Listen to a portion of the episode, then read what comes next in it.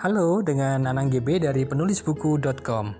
Oke, uh, saya mau sharing tentang beberapa hal yang paling sering ditanyakan ketika kelas-kelas menulis semacam ini. Ya, ini adalah pertanyaan dan jawaban saya yang coba saya rangkum untuk teman-teman semuanya ikutin. Ya, semoga menjadi lebih paham. Pertanyaan pertama adalah apakah menulis itu perlu bakat gitu? Uh, perlu nggak ya?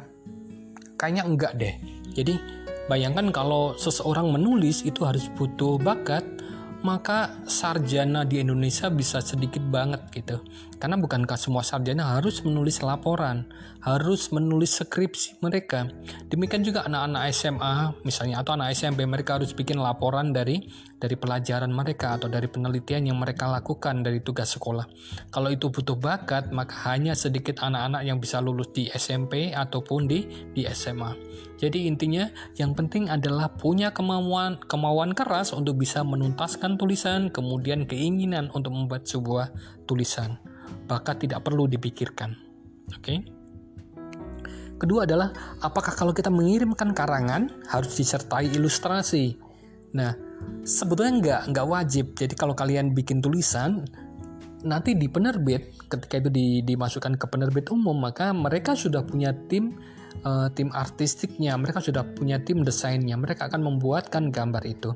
Tetapi kalau kalian bisa menulis sekaligus bisa menggambar juga, atau kalian punya teman yang punya bakat menggambar, maka itu menjadi jauh lebih baik. Ya lebih baik. Kalian bisa kirimkan antara tulisan dengan gambarnya secara terpisah dalam file yang berbeda. Ya. Berikutnya, apakah boleh saya mengirimkan sebuah naskah ke beberapa majalah atau koran sekaligus?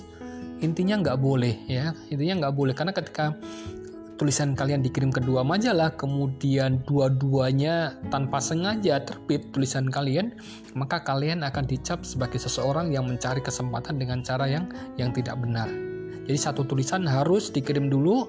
Kalau di sana sudah ditolak, baru boleh kalian kirimkan ke tempat yang yang berbeda gitu. Berikutnya adalah apakah kita perlu membayar agar naskah kita dimuat di majalah? Enggak.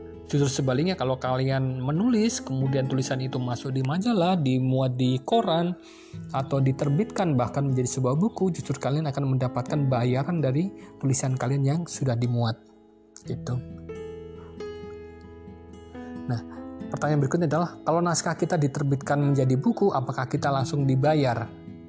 Uh, jadi prinsipnya gini, ketika tulisan kalian sudah menjadi sebuah buku, maka kalian akan menerima yang disebut dengan royalti. Ya, royalti adalah sebuah penghargaan atas naskah kalian berdasarkan penjualan yang terjadi dalam biasanya per enam bulan ya.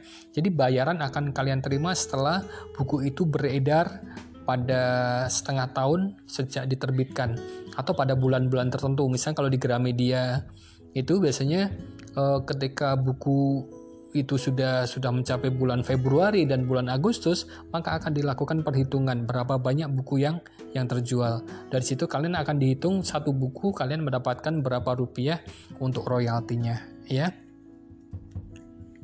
Pertanyaan berikutnya adalah bagaimana caranya agar naskah kita lolos dan bisa dimuat. Nah, yang jelas gini, kalian harus tahu dulu media apa yang yang menjadi tujuan kalian. Kalau itu koran, kalian harus sering-sering baca koran tersebut. Dia sukanya cerita-cerita tentang apa.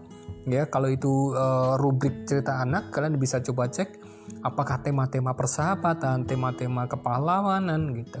Itu yang kalian ikuti jangan memaksa diri misalnya kalian punya cerita horor tapi ternyata di di media itu tidak pernah menerbitkan cerita-cerita horor gitu percuma juga kalian kirimkan ke sana gitu kalian juga cek kira-kira dalam satu tayangan terbit itu berapa jumlah kata untuk sebuah cerpen gitu kalian bisa coba hitung dalam satu paragraf ada berapa kata di situ kemudian kalian kalikan aja ada jumlahnya paragraf berapa nanti akan ketemu kira-kira jumlah kata untuk sebuah cerpen di situ. Itulah yang kalian buat ya. Jangan terlalu pendek tapi juga jangan melebihi dari rata-rata yang sudah kalian hitung itu. Ya.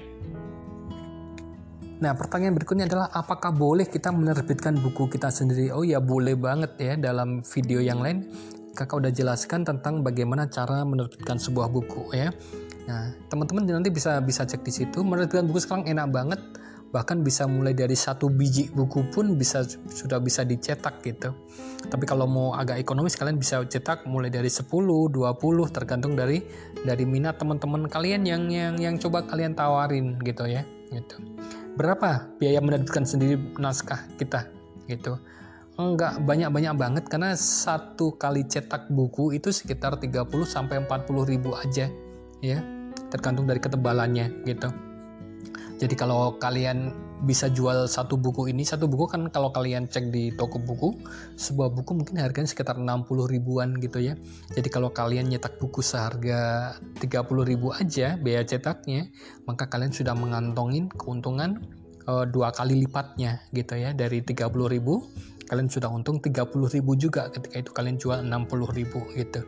Bayangkan kalau kalian bisa jual tem untuk teman-teman sekelas ya ada 30 orang beli gitu kalian sudah bisa dapat keuntungan yang lumayan gitu nah itu beberapa pertanyaan yang semoga teman-teman bisa menjadi lebih terbuka tentang uh, peluang untuk menulis dan menerbitkan buku dari tulisan kalian oke okay?